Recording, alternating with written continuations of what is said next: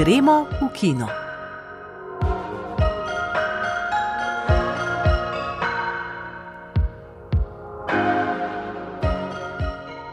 Telesce, celovečerni prvenec Laure Samani je po lanski premjeri v Kanu v naših kinih. V slovenski kinoteki predvajajo dela francoskega cineasta Krisa Markerja. Medtem ko je v Appleovi storitvi za pretočne vsebine premjero doživela tragedija Macbeta v režiji Joela Coena. Slišali boste oceno novega celovečerca za stoj Vinka Mederendorferja v oddaji Gremo v kino.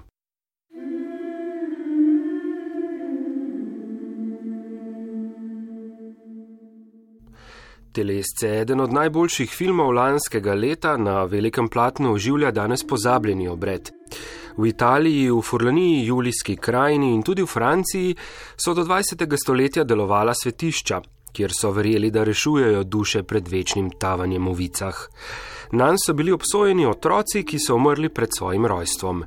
Po katoliškem verovanju, do nedavnega je bilo del doktrine, mrtvorojenih otrok niso smeli krstiti in slednji zato niso imeli ne imena, ne groba. V omenjenih svetiščih so nasprotno verjeli v čudeže, da otroke lahko uživijo vsaj za en dah, da bi jih krstili, poimenovali in pokopali, živim pa olajšali bolečino ob izgubi.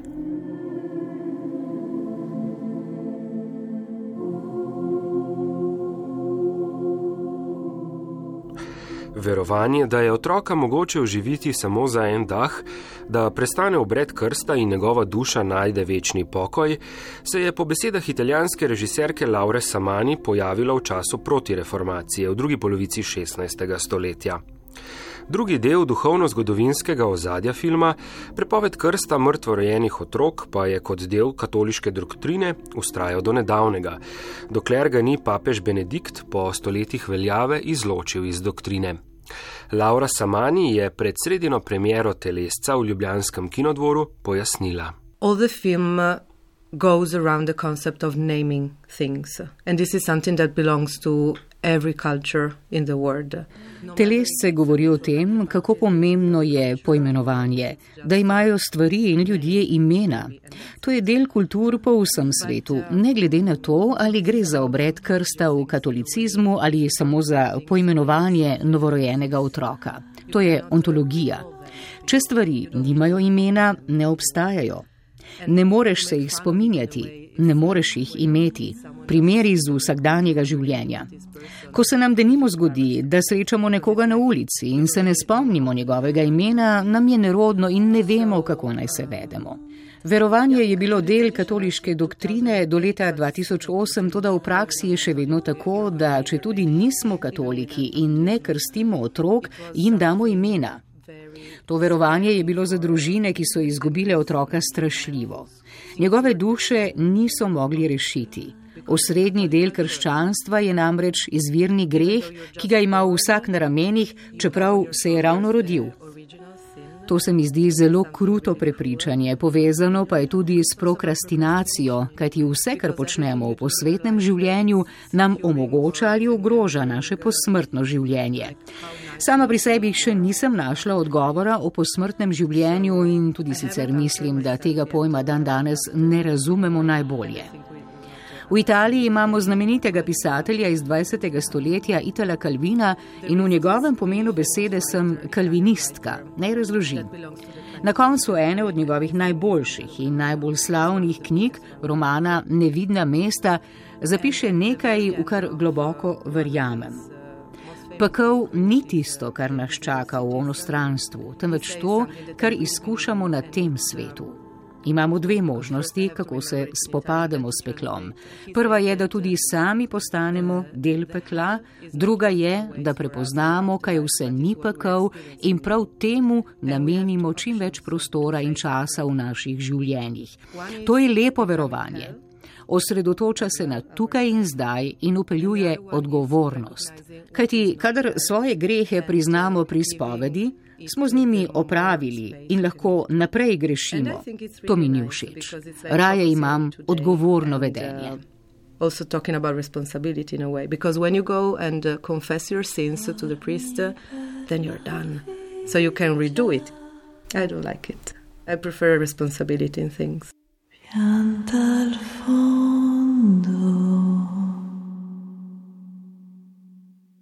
Stresa. Telesce je bolj pravljica kot zgodovinska drama, čeprav so kostumografija, scenografija in narečni jezik zvesti času začetka 20. stoletja. Mlada Agata, igrajo naturščica Čeleste Českuti, je na otoku ob obali Beneškega zaliva rodila mrtvorojenko. A mladenka izve za kraj v Alpah ob Rabelskem jezeru, kjer ne bi mrtvorojence oživljali za en dah in se z leseno skrinjo s trupelcem na hrbtu podana nevarno romanje. Na poti se ji pridruži ris, samotarski fant, morda pa tudi dekle.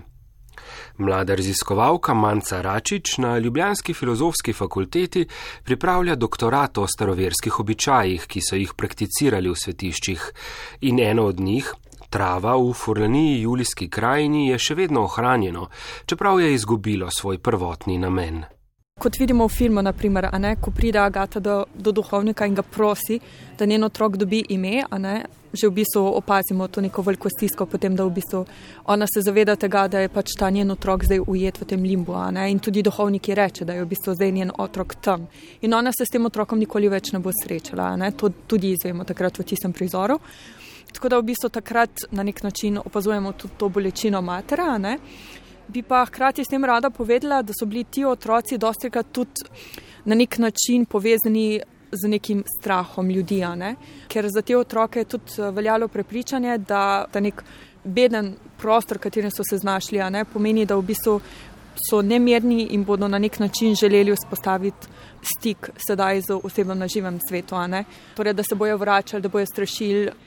In uh, zato v bistvu je ljudi do vsaj tašnih praks, recimo, vodil tudi nek strah. Ne zgolj pač, uh, seveda, nek, seveda je pomenila tudi čustna komponenta, ne? zdaj vsak gledalec tudi uh, gleda film skozi neke svoje lastne oči. Ne?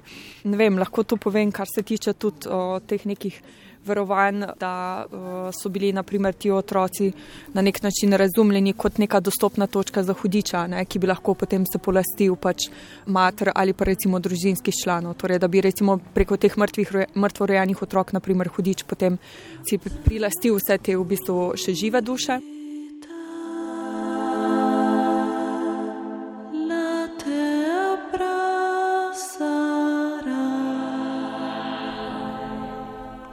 Film je nastal v italijansko-slovensko-francoski produkciji. Koproducent je Daniel Hočevar, direktor fotografije in snemalec pa Mitja Ličen. Za film so značilni dolgi kadri snemanja z roke in naravna svetloba. Ličen je sodeloval tudi pri iskanju snemalnih lokacij, vse od Jadranskega morja, ravnice, ki se kopa v soncu, prek poti skozi gozdove do zasneženih alpskih gora na italijanski strani Mangarta. Igravski ansambl večinoma sestavljajo lokalni prebivalci, ki so jih odkrivali med iskanjem snemalnih lokacij. Med redkimi profesionalnimi igravci v ekipi sta Ivo Ban in Ondina Quadri. Kot se je izkazalo, je bilo veliko statistov članov folklornih skupin in tako so se odločili, da bodo njihovo petje vključili v glasbo, ki jo je napisala in potem v sodelovanju z njimi preoblikovala švedska glasbenica Fredrika Stahl.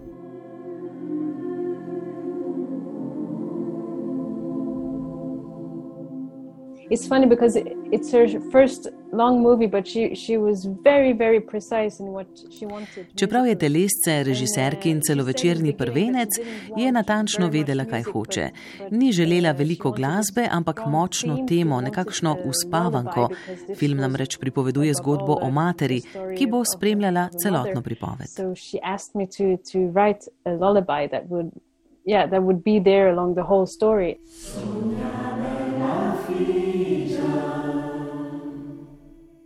I had first done a really produced demo of the song, and then she asked me to just sing it a cappella.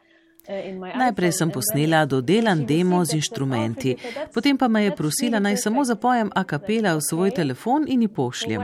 Bilo je všeč, potem pa sem jo vprašala, kaj pa druge pesmi?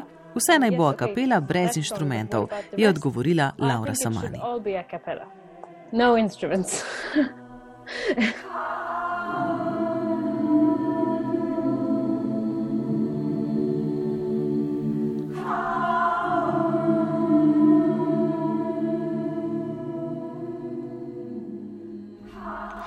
Po celovečernem prvencu predmestje, pokrajini številka 2 in Infernu, je na velikem platnu Cankarevega doma v Ljubljani prejšnji petek premjero doživel uro in pol dolg novi film Vinka Medrendorferja. Stanovanje 54, Halilovič.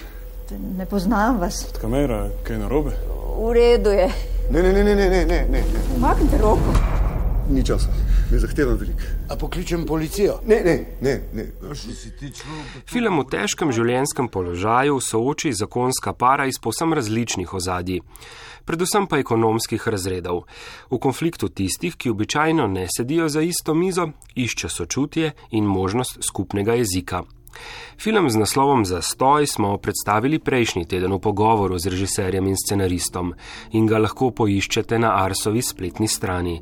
Tokrat pa objavljamo oceno Petre Meterc.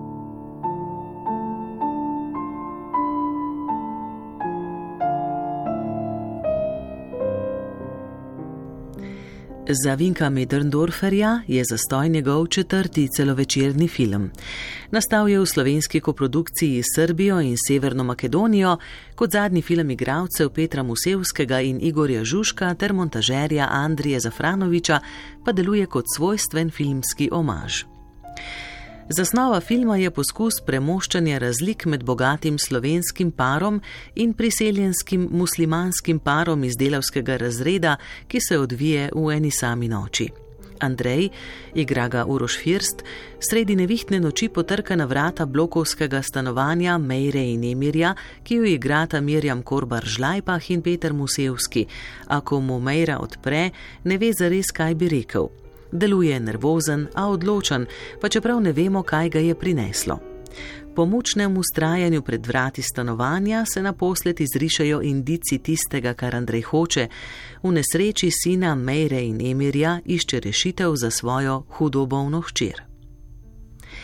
Začetno stopnjevanje napetosti z Andrejevim omahovanjem in Mejrino zmedenostjo ter strahom pred nenavadnim usiljivcem privede do razkritja, ki para potisne na rob čustvenih in moralnih skrajnosti. Ostra črno-bela paleta filma, turobnostne vihte, ki vso noč besni zunaj, ter omejitev dogajanja na eno samo stanovanje, znotraj katerega je direktor fotografije Mitja Ličen opravil izvrstno delo, dodajo k tesnobnim občutkom nemoči enega in drugega para. To vzdušje premišljeno prekinjajo nenadni pogledi v preteklost, ki so posneti lahkotnejše, zunaj, na prostem, z manj nasičenimi kontrasti in delujejo kot nekakšno spominjanje brezskrbnosti v situaciji, ko se zdi, da se obema paroma sesuva svet če gre pri filmu predvsem za premagovanje razlik med paroma, ki predstavljata skrajnosti današnje družbe, v kateri se predvsem ekonomske razlike strahovito povečujejo, pa se vseeno zdi, da liki v želji, da bi naselili to metaforo, vse preveč poosebljajo že videne stereotipe. Medtem ko Andrej vse čas govori o denarju, lastnini in pretenciozno izreka, da ljubi svojo hčer in ženo, čeprav je do nje v filmu žaljiv in jo celo vulgarno ponudi Emirju, kot da je kakšna stvar. Emir obsesivno in ponosno ponavlja, da bo njegov sin zdravnik, Mejra pa govoriči o kavi. Klišeji na ravni dialoga in v zasnovi karakterjev tako žal ne ponujajo nijans, prek katerih bi jih lahko videli zares krvave pod kožo, predvsem pa onkraj vsega tistega, kar jih domnevno determinira.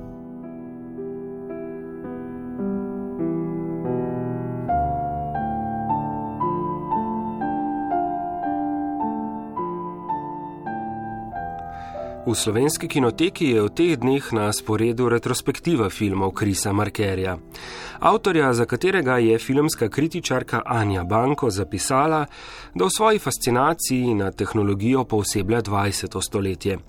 A filmskega medija pri tem ne fetišizira, temveč raziskuje njegove zmožnosti upodabljanja zgodovine in najbolj krhkih človeških zgodb. Pogosto ga omenjajo skupaj s francoskimi novovalovci, a vendarle ločene od njih. Kris Marker se namreč uvršča na tako imenovani levi breg, v družbo Anjes Varda, Žaka Demija in Alana Reneja, ki so za razliko od novovalovcev že v izhodišču družbeno in politično angažirani, med drugim denimo kritični tudi do francoskega kolonializma. Tina Poglajen.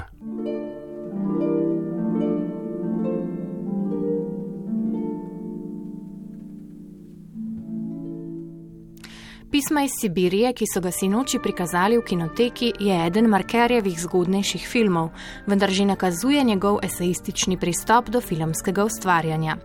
Ta je prepleten z duhovitostjo in ironijo, ki se kažeta v animiranih odlomkih z mamuti in izmišljenih reklamah. Marker je kot pripovedovalec nedoločljiv, v skladu s francosko literarno tradicijo pripoveduje skozi pisma in dnevnike. Teme kot so medijska reprezentacija, komunizem in potrošništvo zahodne družbe naslavlja igrivo, da nima v reklami za jelenje meso, sicer pa v filmu razvije subjektivno, lirično in poetično pripoved, ki je še posebno pozorna na vprašanje pogleda. Vprašanje reprezentacije ostaja osrednje tudi v filmu Brez sonca, ki bo na sporedu nocoj. V njem ostane v spominu izjava enega od nastopajočih, da ga potem, ko je obkrožil svet, zanimajo le še banalnosti. Anja Banko. Ja, to je zelo uh, ambivalentna ali pa polifona izjava, bi bilo uh, mogoče bolj točno reči. Markeru namreč v 70-ih ogromno potuje po svetu, ta film nastane leta 83 oziroma 82, različni podatki in um, zgodbe, ki jih pripoveduje, na nek način niso več velike zgodbe, niso več velike zgodbe v podobi, namreč uh, prikazuje detajle, um, vsakdanje odlomke, recimo mači pokopališče, um, ljudi, ki spijo na, na palubah trajektov um, in v bistvu obraze, podobe, zelo v bistvu detaljni posnetki. Um, Medtem pa zgodba, ki se pa v bistvu odvija v naraciji, je pa v bistvu velika zgodba človeškega spomina, um, zgodovine, krivic um, in vedno valjda s političnim angažmajem, torej kritike potrošniške družbe, hkrati pa tudi neke fascinacije nad tehnologijo in vprašanjem, kam to vodi. V prihodnjih dneh bo v kinoteki na sporedu še film Globine zraka so rdeče. Globine zraka so rdeče je v bistvu Markerjevo monumentalno delo.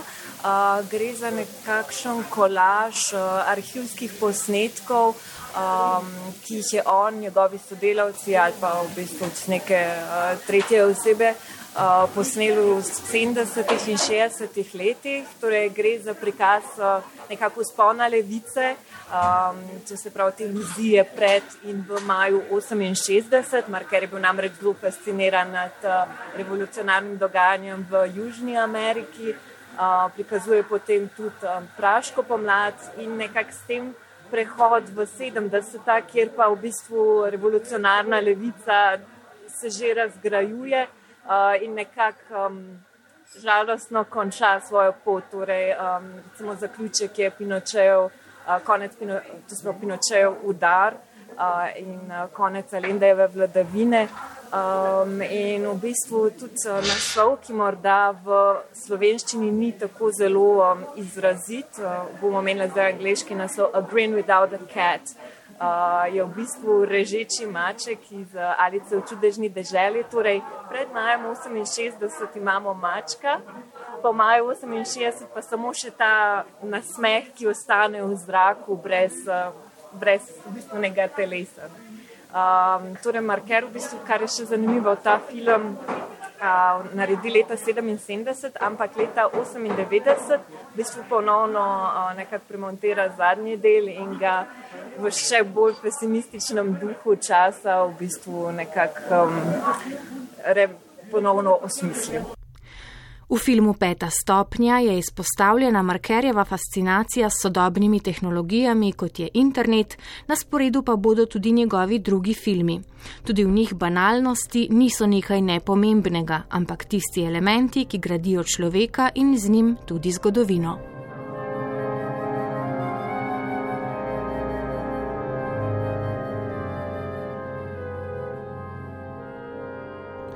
Na Appleovi spletni platformi za pretočne vsebine TV Plus je prejšnji teden premjero doživel prav poseben film, poslastica za ljubitele dramatike, gledališča in filma.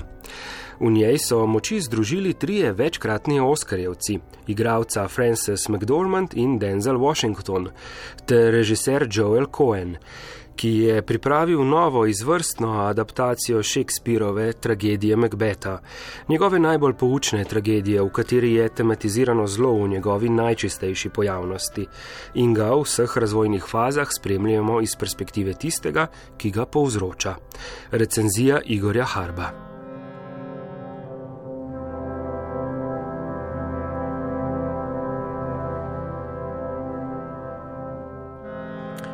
Macbeth je ena najbolj znanih Shakespearjevih tragedij, zgodba o tem, kako neverjetno hitro se čast pokvari v častih lepje in moralnem zlomu, ki sledi grozljivemu dejanju.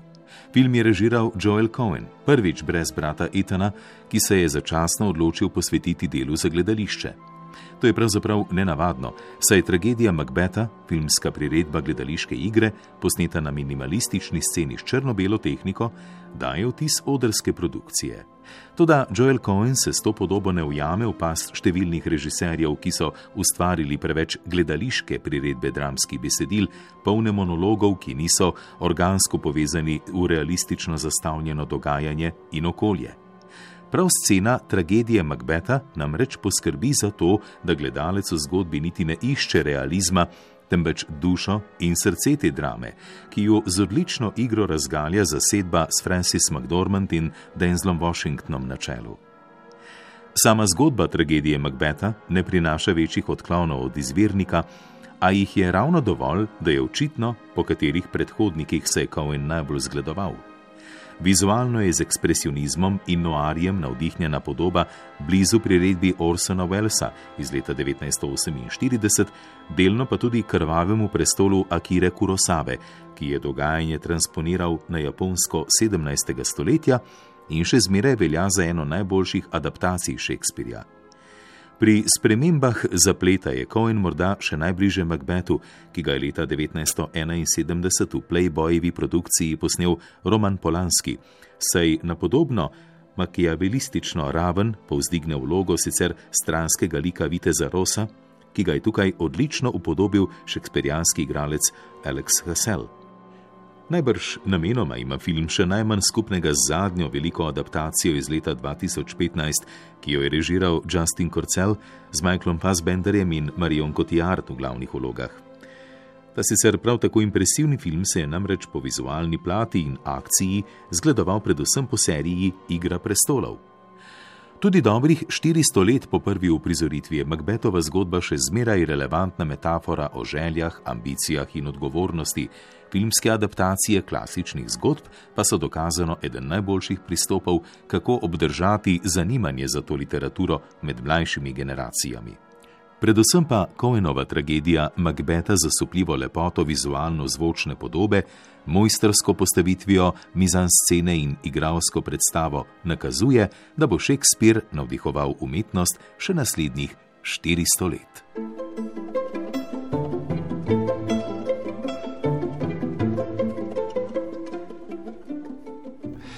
V četrtek se je odprl filmski festival Sundance. Od 82 celovečernih filmov skoraj polovico programa zauzemajo prvenci. Festival so v Park Cityju v ameriški zvezdni državi Utah najprej načrtovali v hibridni obliki, to da dva tedna pred začetkom so zaradi razmaha virusa odpovedali dogodke v živo. Drugače so se odločili v Trstu, kjer se začenja 33. mednarodni filmski festival, ki je zelo profiliran po svojem programu.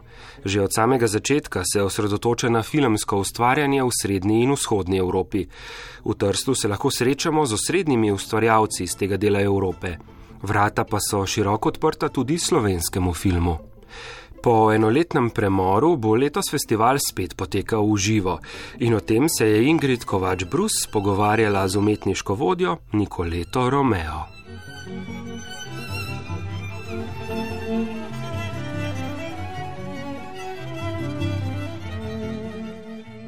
I think it's a good sign of, of life. It's a good sign of uh, Mislim, da je to dober znak življenja, želja po vrnitvi v normalnost. Situacija seveda ni normalna, smo izjemno previdni, upoštevamo vsa obstoječa pravila in omejitve. Vendar si ljudje očitno želijo nazaj v kino, v gledališče, k živim dogodkom, z gosti in filmskimi ustvarjalci. Veste, festival je pomemben dogodek tudi za razprave in izmenjavo idej, tega pa ne more v popolnosti nadomestiti nobena spletna izvedba. And I think all this cannot be replaced totally with an online edition. V Trstu se bodo torej do prihodnjega četrtka srečevali cineasti in cinefili ob pregledu srednje in vzhodnoevropskih filmov vseh žanrov in dolžin, kateri pa so letos še posebej izstopajoči.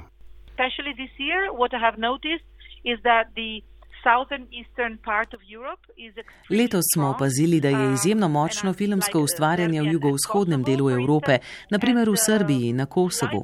V fokusu pa so ženske. Festival se bo poklonil nadarjenosti režiser. Posebne sekcije so namenjene Gruzikam, bosanski režiserki Vesni Ljubič. V tekmovalnih sekcijah pa bodo pokazali kar nekaj slovenskih filmov. V Portorožu že nagrajena kazanski strel Roka Bička in odpuščanje Marije Zidar. Po novembrski svetovni premjeri v Kotbusu pa bo med igranimi celovečerci prvič spet na velikem platnu novi film Mateuža Luzarja. Well, Mateusz uh, Luzar with orchestra, uh, I think it's a very original. Rekla bi, da je orkester Mateuža Luzarja zelo izviren film, eden najbolj izvirnih v naši tekmovalni sekciji. Je občuten mali film, ki zelo pametno in iskrivo prikazuje, kako slovenci vidite sebe in kako vas vidijo sosedje Avstrici. Zelo ganljiv je in izviren. Very, very V Trstu bo orkester na sporedu v ponedeljek zvečer, festival pa bo v živo potekal vse do četrtka.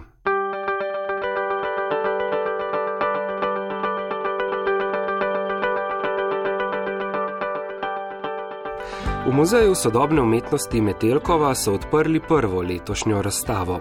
Nedokončane zgodbe o srečanjih filmskega režiserja in scenarista Matjaža Ivanišina. Na razstavi bodo s tremi videoinstalacijami predstavili njegove filme Kar popotnik 2013, Playing Man 2017 in Oroslan 2019, kot je povedal avtor sam.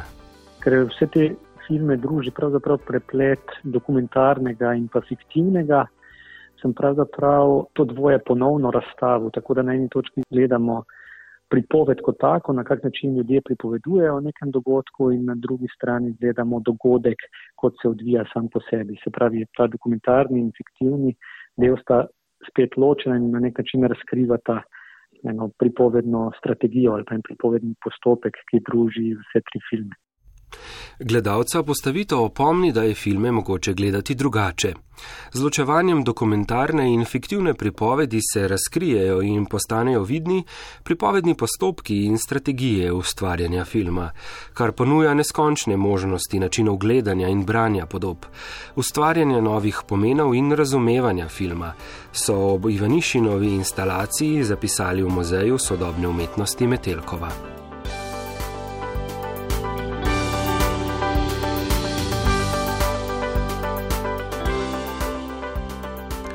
Slovenski film bo znova sodeloval na Berlinskem filmskem festivalu, ki se začenja 10. februarja.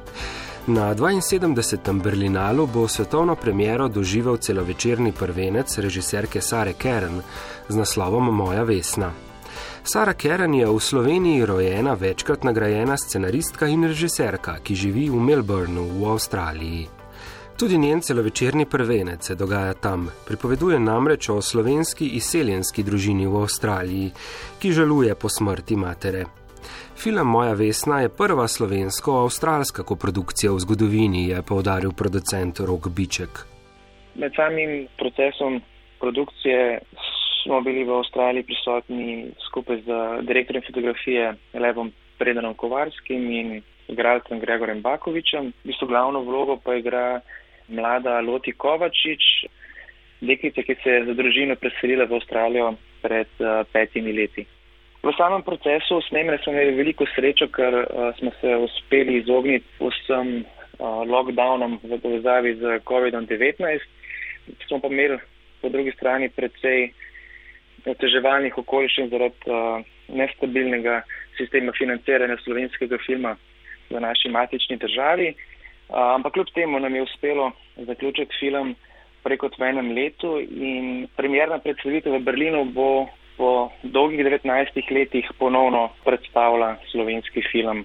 Tako to se mi zdi ena, kljub vsem ena velika, velika stvar za vse nas. Film Moja Vesna se bo v sekciji mladinskega filma Generacion K potegoval za kristalnega medveda. Z obsežnim izborom sodobnih filmov, ki raziskujejo življenja in svetove otrok in najstnikov, hoče biti omenjeni program Berlinala pobudnik mladinskega filma, ki ruši konvencije. Film Moja Vesna je prvi slovenski celovečerni film, ki se je uvrstil v ta program.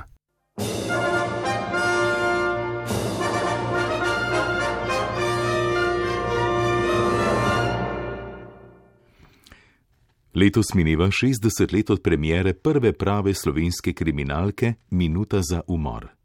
Koh se po 18 letih vrne v domovino, kjer ga sumijo, da je bil med vojno izdajalec.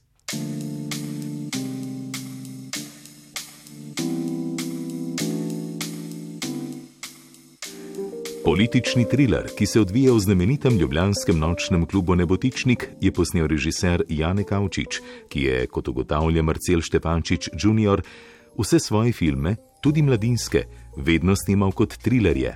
Žanru je dal svoj pečat. V filmoteki, v aplikaciji RTV 365 in na spletni strani založbe kakovostnih programov izpostavljamo še njegov mladinski film o uhajanju izpod starševskih spon Nepopisan list ter prvi slovenski znanstveno-fantastični film Maja in Vesolček iz leta 1988. Vabljeni k obisku filmoteke, kjer najdete omenjene filme Janeta Kavčiča in številne druge.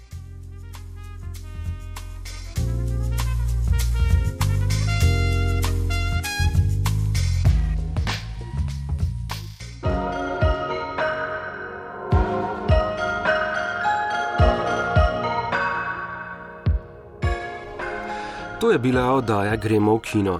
Dostopna je na spletnih straneh Arsa in prvega. Na njo se lahko naročite v svoji aplikaciji za podkaste. Pripravili smo jo glasbena opremljevalka Tina Ogrin, tonska mojstra Robert Markoč in Miha Klemenčič, napovedovalci Lidija Hartmann, Dejan Kaloper in Mateja Perpar, uredil in vodil sem jo Urban Tarman. Hvala za pozornost in srečno!